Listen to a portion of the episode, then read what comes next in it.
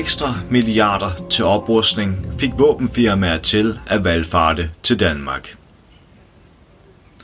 Regeringens beslutning om at opruste militæret med 18 milliarder ekstra kroner fremover fik danske og udenlandske våbenproducenter til at stå i kø for at få en plads til den danske våbenlobbys årsmøde i tirsdags.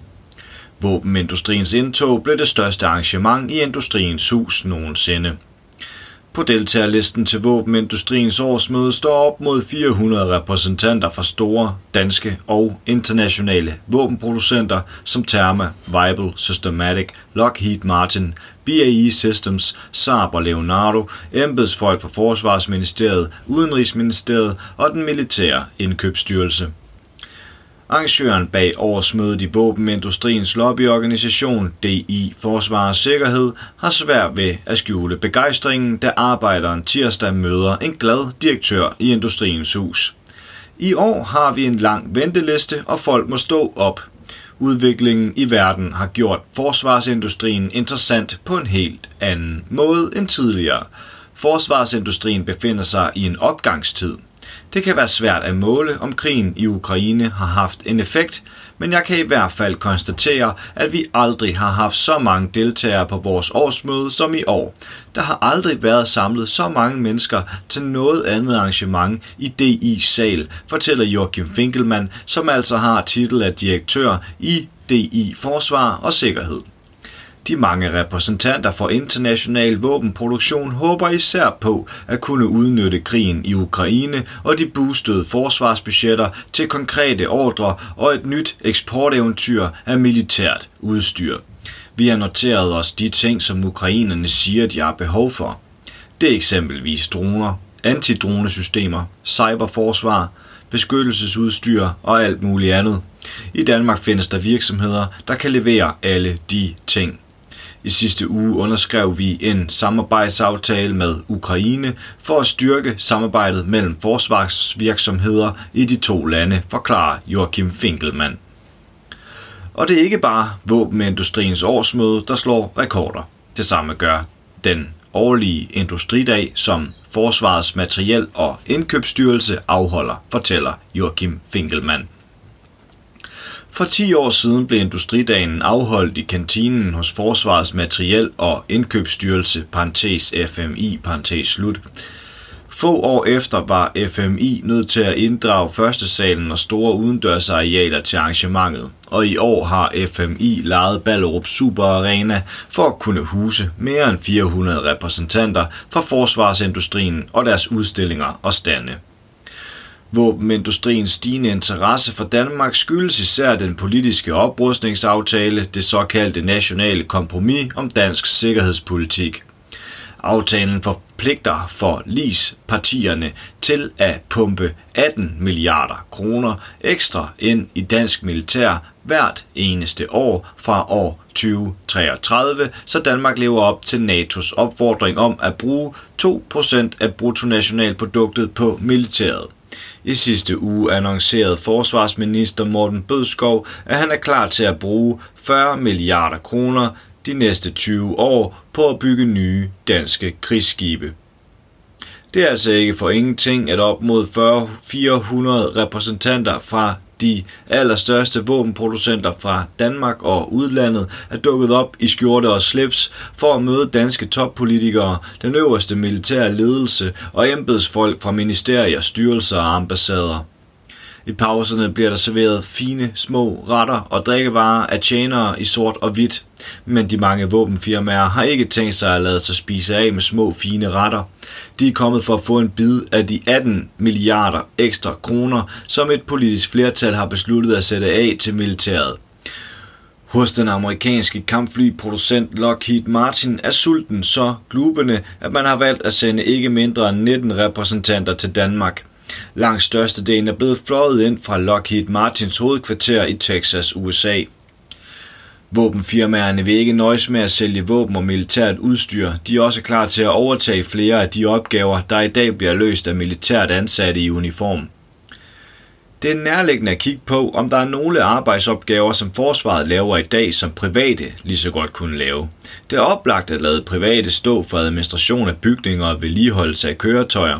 I Finland står tre store virksomheder for at vedligeholde forsvarets køretøjer, skibe og fly. Flere andre nordiske lande er gået langt videre end Danmark og har ansatte, der arbejder inde på kasernerne. Det skal vi lade os inspirere af, siger generalløjtnant og chef for Forsvarsministeriets Materiel- og Indkøbsstyrelse, Kim Jesper Jørgensen. Han fortsætter. Min ambition er gradvist at ændre den militære indkøbsstyrelse over de kommende år. En af de vigtigste ændringer er et tættere samarbejde med forsvarsindustrien. Vi skal samarbejde med industrien om udvikling, produktion og vedligeholdelse og give en større del af arbejdet til industrien. Airbus' vicepræsident for Nordeuropa, Søren Delbæk, er blandt de, som presser på for, at dansk militær skal outsource flere opgaver til private. Vil det ikke være lettere at outsource opgaver inden for eksempelvis digitale og IT-løsninger til private, i stedet for selv at købe udstyret, spurgte Airbus-direktøren. Hvis jeg skal være helt ærlig, så synes jeg, at du har ret. Det vil kræve nøje overvejelser men jeg er bestemt positiv over for at købe ydelser hos private, forsikrer chefen for den militære indkøbsstyrelse Kim Jesper Jørgensen. Forsvarsordførende for partierne bag forsvarsforliget og den seneste oprustningsaftale er åbne over for at uddelegere opgaver for forsvaret til private det er godt, hvis vi kan lave en arbejdsdeling, hvor dem, der er bedst til at gøre tingene, gør det, uanset om man er ansat i det offentlige eller private. Der er opgaver, som forsvaret løser i dag, som private lige så godt kunne, forklare Socialdemokratiets forsvarsordfører Mogens Jensen, der deltog i våbenindustriens årsmøde sammen med en række andre forsvarsordfører. Kan du komme med konkrete eksempler, spørger arbejderen. Private kunne eksempelvis stå for at vedligeholde køretøjer. Det er interessant, at Norge har gjort sig erfaringer med at lade private overtage opgaver for forsvaret. Vi er i en situation, hvor vi er nødt til at hjælpe hinanden, og industrien og forsvaret skal hjælpe ad om at løse de store opgaver, vi står overfor. Industrien vil også gerne løse opgaver inden for IT, kunstig intelligens og overvågning af Arktis. Vil du udelukke samarbejde med det private erhvervsliv inden for disse områder, spørger arbejderen. Nej, vi vil gerne kigge på samarbejde, hvor det giver mening, svarede Socialdemokratiets forsvarsordfører på arbejderens spørgsmål. Også SF's forsvarsordfører Anne Valentina Bertelsen er positiv over for at lade private stå for arbejdsopgaver, der i dag løses af forsvarets ansatte. Jeg vil ikke udelukke nogen opgaver på forhånd. Der er en fordel i at outsource civile køretøjer i forsvaret. Alle opgaver derudover skal vi nøje overveje og have nogle analyser af fordele og ulemper, før vi kan sige fra eller til, siger SF's forsvarsordfører til arbejderen. Der er ingen tvivl om, at der vil ske en digitalisering af fremtidens kampplads. Tag bare et kig på, hvad der foregår i Ukraine, især når det gælder Arktis, er teknologiudvikling en vigtig prioritet for os. Det er især teknologivirksomheder her blandt jer, der driver udviklingen. Vi har brug for at overvåge Arktis langt bedre og indhente informationer – så vi har brug for et endnu tættere samarbejde med forsvarsindustrien og knytte tættere bånd, lyder budskabet fra scenen, hvor forsvarschef og øverstbefalende for de danske styrker, Flemming Landfor, har ordet. Traditionen tro blev våbenindustriens årsmøde åbnet af forsvarsministeren. Dette års konference finder sted i en ny global sikkerhedssituation. Konferencer som denne er helt centrale for, at vi er i stand til at gå imod Putins brutale krig på europæisk jord – det globale sikkerhedspolitiske landskab er uforudsigeligt og kompleks, lød det fra forsvarsminister Morten Bødskov. Han fortsatte. Den teknologiske konkurrence mellem USA, Rusland og Kina sætter et lille land som Danmark under pres. Vi må ikke negligere udvikling af den teknologi, der vil ændre fremtidens krigsførelse. Truslerne mod os og vores allierede forsvinder ikke. Det er sammenkomster som denne, der styrker vores sikkerhed. Det er kun muligt, fordi alle jer er kommet i dag. Du har lyttet til en artikel fra Arbejderen. Abonner på vores podcast på iTunes, eller hvor du ellers hører din podcast. Du kan også klikke ind på arbejderen.dk for meget mere journalistisk indhold. Du er også velkommen til at følge Arbejderen på YouTube, Facebook, Instagram eller Twitter, samt tilmelde dig Arbejderens daglige opdatering på Messenger.